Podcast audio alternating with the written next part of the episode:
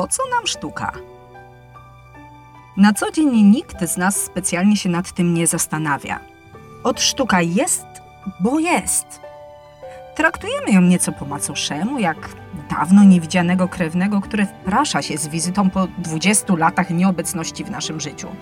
I tak patrzymy na niego, no niby nikomu nie zawadza, niby to rodzina, ale też nikogo za bardzo nie obchodzi. Jest, bo jest. Aż tu przychodzi marzec 2020 roku.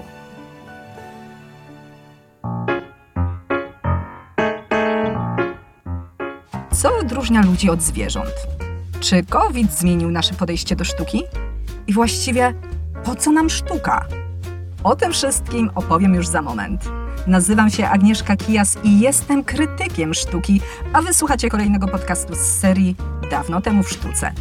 Czyli wszystko, co chcesz wiedzieć o malarstwie, ale bez nadęcia. Dzień dobry wieczór, bo tak na dobrą sprawę nie wiem o jakiej porze mnie słuchacie, ale wiem jedno. Jesteście tu po to, by zaprzyjaźnić się ze sztuką. I dziś oczywiście mam dla Was kolejną dawkę sztuki, ale jednak nim zaczniemy, nim przejdziemy do głównego tematu, to muszę powiedzieć o czymś bardzo ważnym. O czymś, co chcę, żeby wszyscy z Was wiedzieli, bo to jest taki mój sukces, a tak naprawdę nie tylko mój, bo to jest sukces nas wszystkich. Bo gdyby nie Wy, nigdy by się to nie udało. Otóż w tym tygodniu na moim facebookowym fanpage'u wybił pierwszy tysiąc polubień, a dodatkowo licznik odsłuchów podcastów przekroczył już 10 tysięcy. 10 tysięcy razy kliknęliście play, żeby posłuchać o sztuce. No dla mnie to jest coś niewyobrażalnego. To dla mnie tak dużo znaczy, bo kiedy zaczęłam nagrywać te podcasty, to przyznaję, czułam się dość dziwnie i byłam jeszcze taka zamotana. Zresztą tych pierwszych podcastów to mówię z ręką na sercu, dość mocno się wstydzę i nawet się zastanawiam, czy pierwszego odcinka nie nagrać zupełnie na nowo. Ale kiedy tak siedziałam sama w tej mojej szafie z moimi myślami, no to po prostu czułam się głupio, bo mówiłam sama do siebie. I to było trochę takie niezręczne. Zastanawiałam się, czy w ogóle to ma sens i w ogóle, czy ktoś tego słucha. A potem pogadałam o tym z moim znajomym, z kolegą, który jest radiowcem, i on tak na mnie popatrzył i powiedział mi: Ej, Aga, ty musisz zacząć wyobrażać sobie słuchaczy. Ty mówisz do ludzi, oni tam są. To był przełom. Ja wtedy zaczęłam czuć, że, że mówię do Was, że mówię do Ciebie. I całkiem niedawno dostałam wiadomość od jednej słuchaczki i ona napisała coś takiego: O, jaki masz fajny profil, ciekawy, taki o sztuce. Szkoda tylko, że tak mało osób go obserwuje. Ja wtedy pomyślałam tak: mało? Przecież to jest tysiąc osób. Tysiąc osób. I bardzo Wam dziękuję, że jesteście ze mną. I mogłabym tutaj jeszcze długo się rozgadywać i nagrać cały podcast o tym, jak bardzo Wam dziękuję, ale wiem też, że przyszliście tu po coś innego. Wy tutaj jesteście, żeby posłuchać o malarstwie. Zatem szerzej i tak może bardziej oficjalnie rozpisałam się o tym na fanpage'u, na moim Facebooku, na dawno temu w sztuce, na który oczywiście serdecznie Was odsyłam, zapraszam. Warto na nim być także dlatego, żeby nie przegapić moich najświeższych felietonów, filmów, a także innych wydarzeń, jakie organizuję, ponieważ zawsze jak wstawiam coś nowego, to w pierwszej kolejności leci to na Face'a. I tam też przyjmuję Wasze zgłoszenia do podcastów na życzenie. Ale dziś nie będzie na życzenie, bo dziś będzie wyjątkowo, dzisiaj jest urodzinowo i będzie coś takiego ode mnie dla Was. Być może także dlatego, że sama całkiem niedawno przeszłam covid i wciąż jeszcze odzyskuję siły. Stąd też może takie różne myśli kołatały mi się po głowie i równie różne pytania. A jednym z nich było: po co nam sztuka? No zastanówcie się przez chwilę. Po co nam sztuka? A? Niezłe pytanie, co? Bo popatrzcie, jak to jest, jak to się od razu uruchamia w głowie. Kiedy ktoś nam oznajmia, że jest poetą albo malarzem, czy też, nie wiem, muzykiem, jeden czort, no to jaka jest nasza reakcja? No najczęściej uśmiechamy się z pobłażaniem, no bo cóż to za zawód, no, artysta. Przecież z tego nie będzie chleba. To się aż ciśnie na usta, prawda? Zresztą spójrzmy na sprawę szerzej, bo kultury się nie dotuje. To znaczy, oczywiście wszyscy mówią, że inwestujemy w sztukę. To takie modne hasło, chwytliwe. Niekiedy nawet mamy do czynienia z takimi szumnymi zjawiskami, jak choćby to ostatnie pod tytułem kultura w sieci. Niemniej jednak, gdyby uczciwie spojrzeć na pieniądze, które są przeznaczane na rozwój wydarzeń artystycznych, no okazałoby się, że nie ma tego wiele. I wiecie, nie chodzi mi o to, żeby nie rozwijać sportu, ale serio, porównajcie sobie te liczby. Ja to zrobiłam. Zestawiłam wysokość nagrody prezydenta mojego miasta, jaka przyznawana jest w dziedzinie sportu, i równoważnej nagrody, która przyznawana jest w dziedzinie kultury. No, przepaść ogromna i można buchnąć śmiechem. Tak jest. Przyznajmy się. Artyści sobie poradzą. Nie tak to inaczej. Są kreatywni. Cóż z tego, że pracują na kilku etatach? Cóż z tego, że zarywają noce, że sprzedają swoje prace po kosztach? Chcą, niech robią. Wolny kraj. Mnie to nie obchodzi. Mnie to nie interesuje. Co mnie obchodzi czyjś problem? To nie jest mój problem. To nie jest moja brocha. Mhm. Co więcej, mamy takie przeświadczenie, że najlepiej by było, gdyby artyści wszystko robili za darmo. Zdjęcia za darmo. Daj nam zdjęcia, a my je opublikujemy na naszej stronie i będziesz miał reklamę. Napisz jakiś artykuł, jasne, wyślij do redakcji, ale redakcja nie płaci za nadesłane artykuły. My ci go wydrukujemy. Będziesz z tego dumny, będziesz miał nazwisko w gazecie. I teraz wyobraźcie sobie taką sytuację, że ja idę do dentysty i mu mówię: Panie, wybiel mi pan zęby. Ja będę pana reklamą, będę się uśmiechać do wszystkich i będę wszystkim mówiła, że to pan mi je wybielił w formie reklamy. Jeżeli są tutaj jacyś twórcy, to ja was błagam, nie łapcie się byle czego i nie róbcie zleceń za darmo. Nie psujcie rynku. Wyceńcie swoją pracę. Nie rozdawajcie tomików wierszy. To jest wasza praca. Wyceńcie siebie. A jeżeli jesteś osobą, która chce się otaczać sztuką, to zapłać za nią. Doceń artystów. Czasami to są naprawdę śmieszne kwoty. I wiecie, ja mam takie wrażenie, że my nie do końca tych artystów traktujemy poważnie. Są, bo są. Robią, to niech robią. Fajnie, fajnie, ale tak właściwie ja się na sztuce nie znam. Sztuka mi do niczego nie jest potrzebna. I tak to się kręci. Z dnia na dzień, z tygodnia na tydzień, z roku na rok. Do pewnego czasu, okej, okay, może mnie to nie obchodzić. Aż tu przychodzi marzec 2020 roku. Kochani, zamknijcie oczy. Naprawdę proszę Was na moment, teraz, w tym momencie, przerwijcie to, co robicie. Jeżeli biegniesz, zatrzymaj się na chwilę. To nie zajmie Ci dużo czasu, wyniki czegoś super nie spadną. Jeżeli leżysz w łóżku, to masz już w ogóle komfortową sytuację. Jeśli jedziesz samochodem, no to może niekoniecznie zamykaj oczy, ale jeśli możesz, stań na chwilę na poboczu. To nie potrwa długo. Zamknij oczy.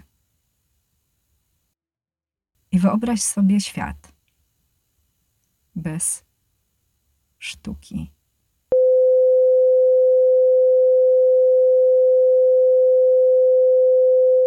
I tak przez miesiąc.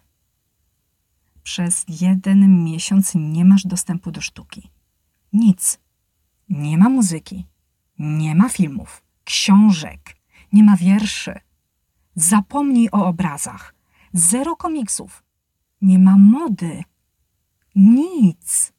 Nawet strony internetowe ograniczają się do podawania suchych faktów, bez erudycyjnych popisów, bez zgrabnych haseł, bez ilustrujących artykuły zdjęć. Nie ma też tej całej szaty graficznej, bo nie ma grafików. Tego nie ma, bo nie ma sztuki.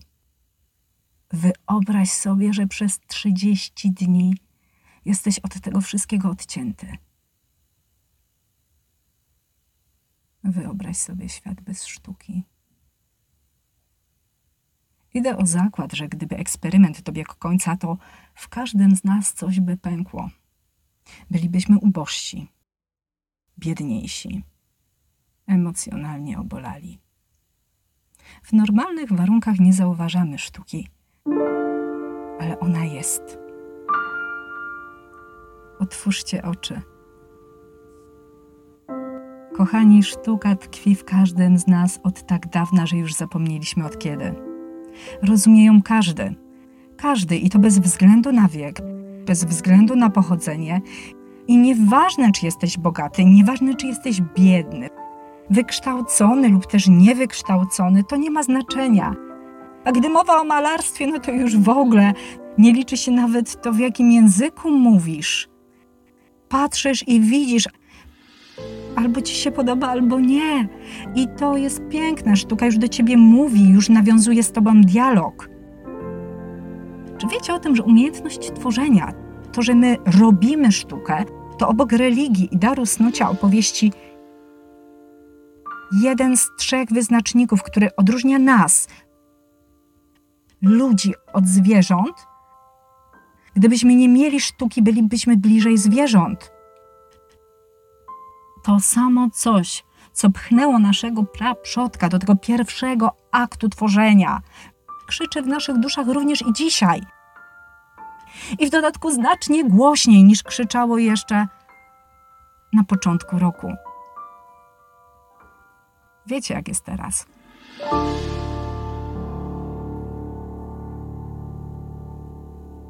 Koronawirus. Mhm to słowo zmieniło wszystko. Po pierwsze, nie możemy się poruszać tak swobodnie jak wcześniej.